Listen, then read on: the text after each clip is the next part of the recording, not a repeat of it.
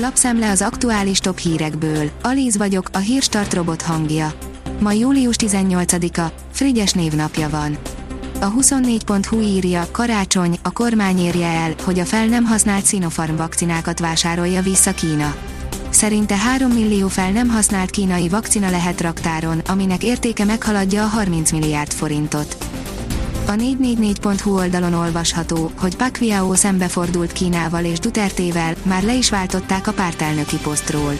A csodaboxolót villámgyorsan eltakarították a párt éléről, miután kritizálni merte az ultrapopulista nagyvezér túlságosan puha Kína politikáját. Az m4sport.hu írja, a Red Bull Hamiltonról, ez felelőtlen, piszkos versenyzés. Felelőtlen és veszélyes versenyzéssel vádolja a Red Bull a Max Verstappennel ütköző Lewis Hamiltont. A hollandot orvosok vizsgálják, a britet megbüntették az első körös incidens után. A növekedés írja, veszélyben a gyilkos európai hagyomány, amely vagyonokat mozgat meg.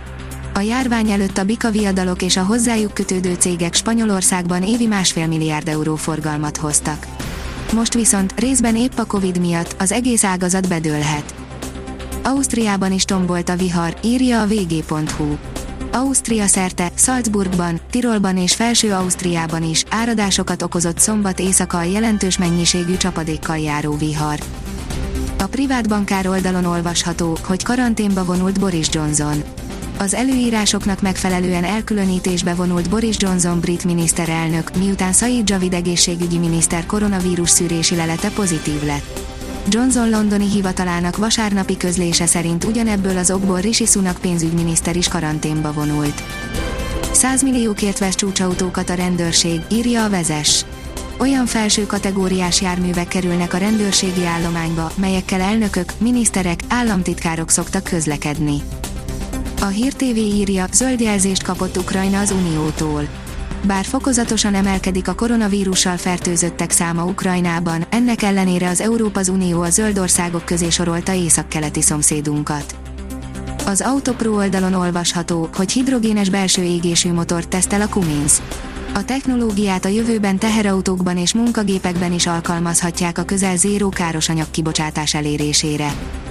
Újabb háborús tűzfészek jön létre, akár egymás mellett több is, írja a napi.hu.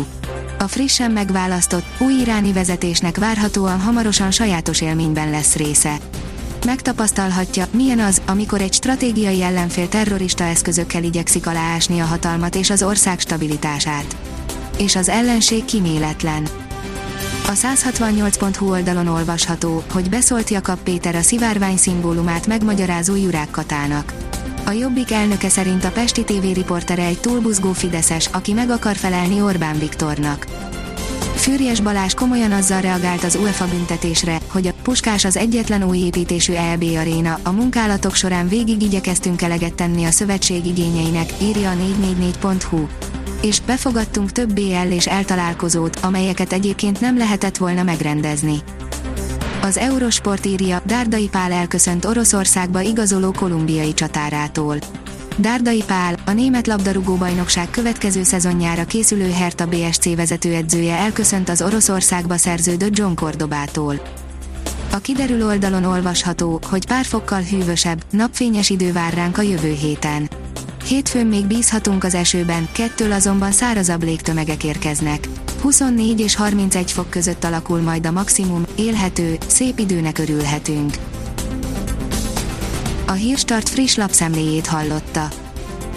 Ha még több hírt szeretne hallani, kérjük, látogassa meg a podcast.hírstart.hu oldalunkat, vagy keressen minket a Spotify csatornánkon. Az elhangzott hírek teljes terjedelemben elérhetőek weboldalunkon is. Ha weboldalunkon hallgat minket, az egyel korábbi adás lejátszása automatikusan elindul. Beállíthatja, hogy az összes korábbi adás, vagy csak az aktuális tematika hírei következzenek. Köszönjük, hogy minket hallgatott!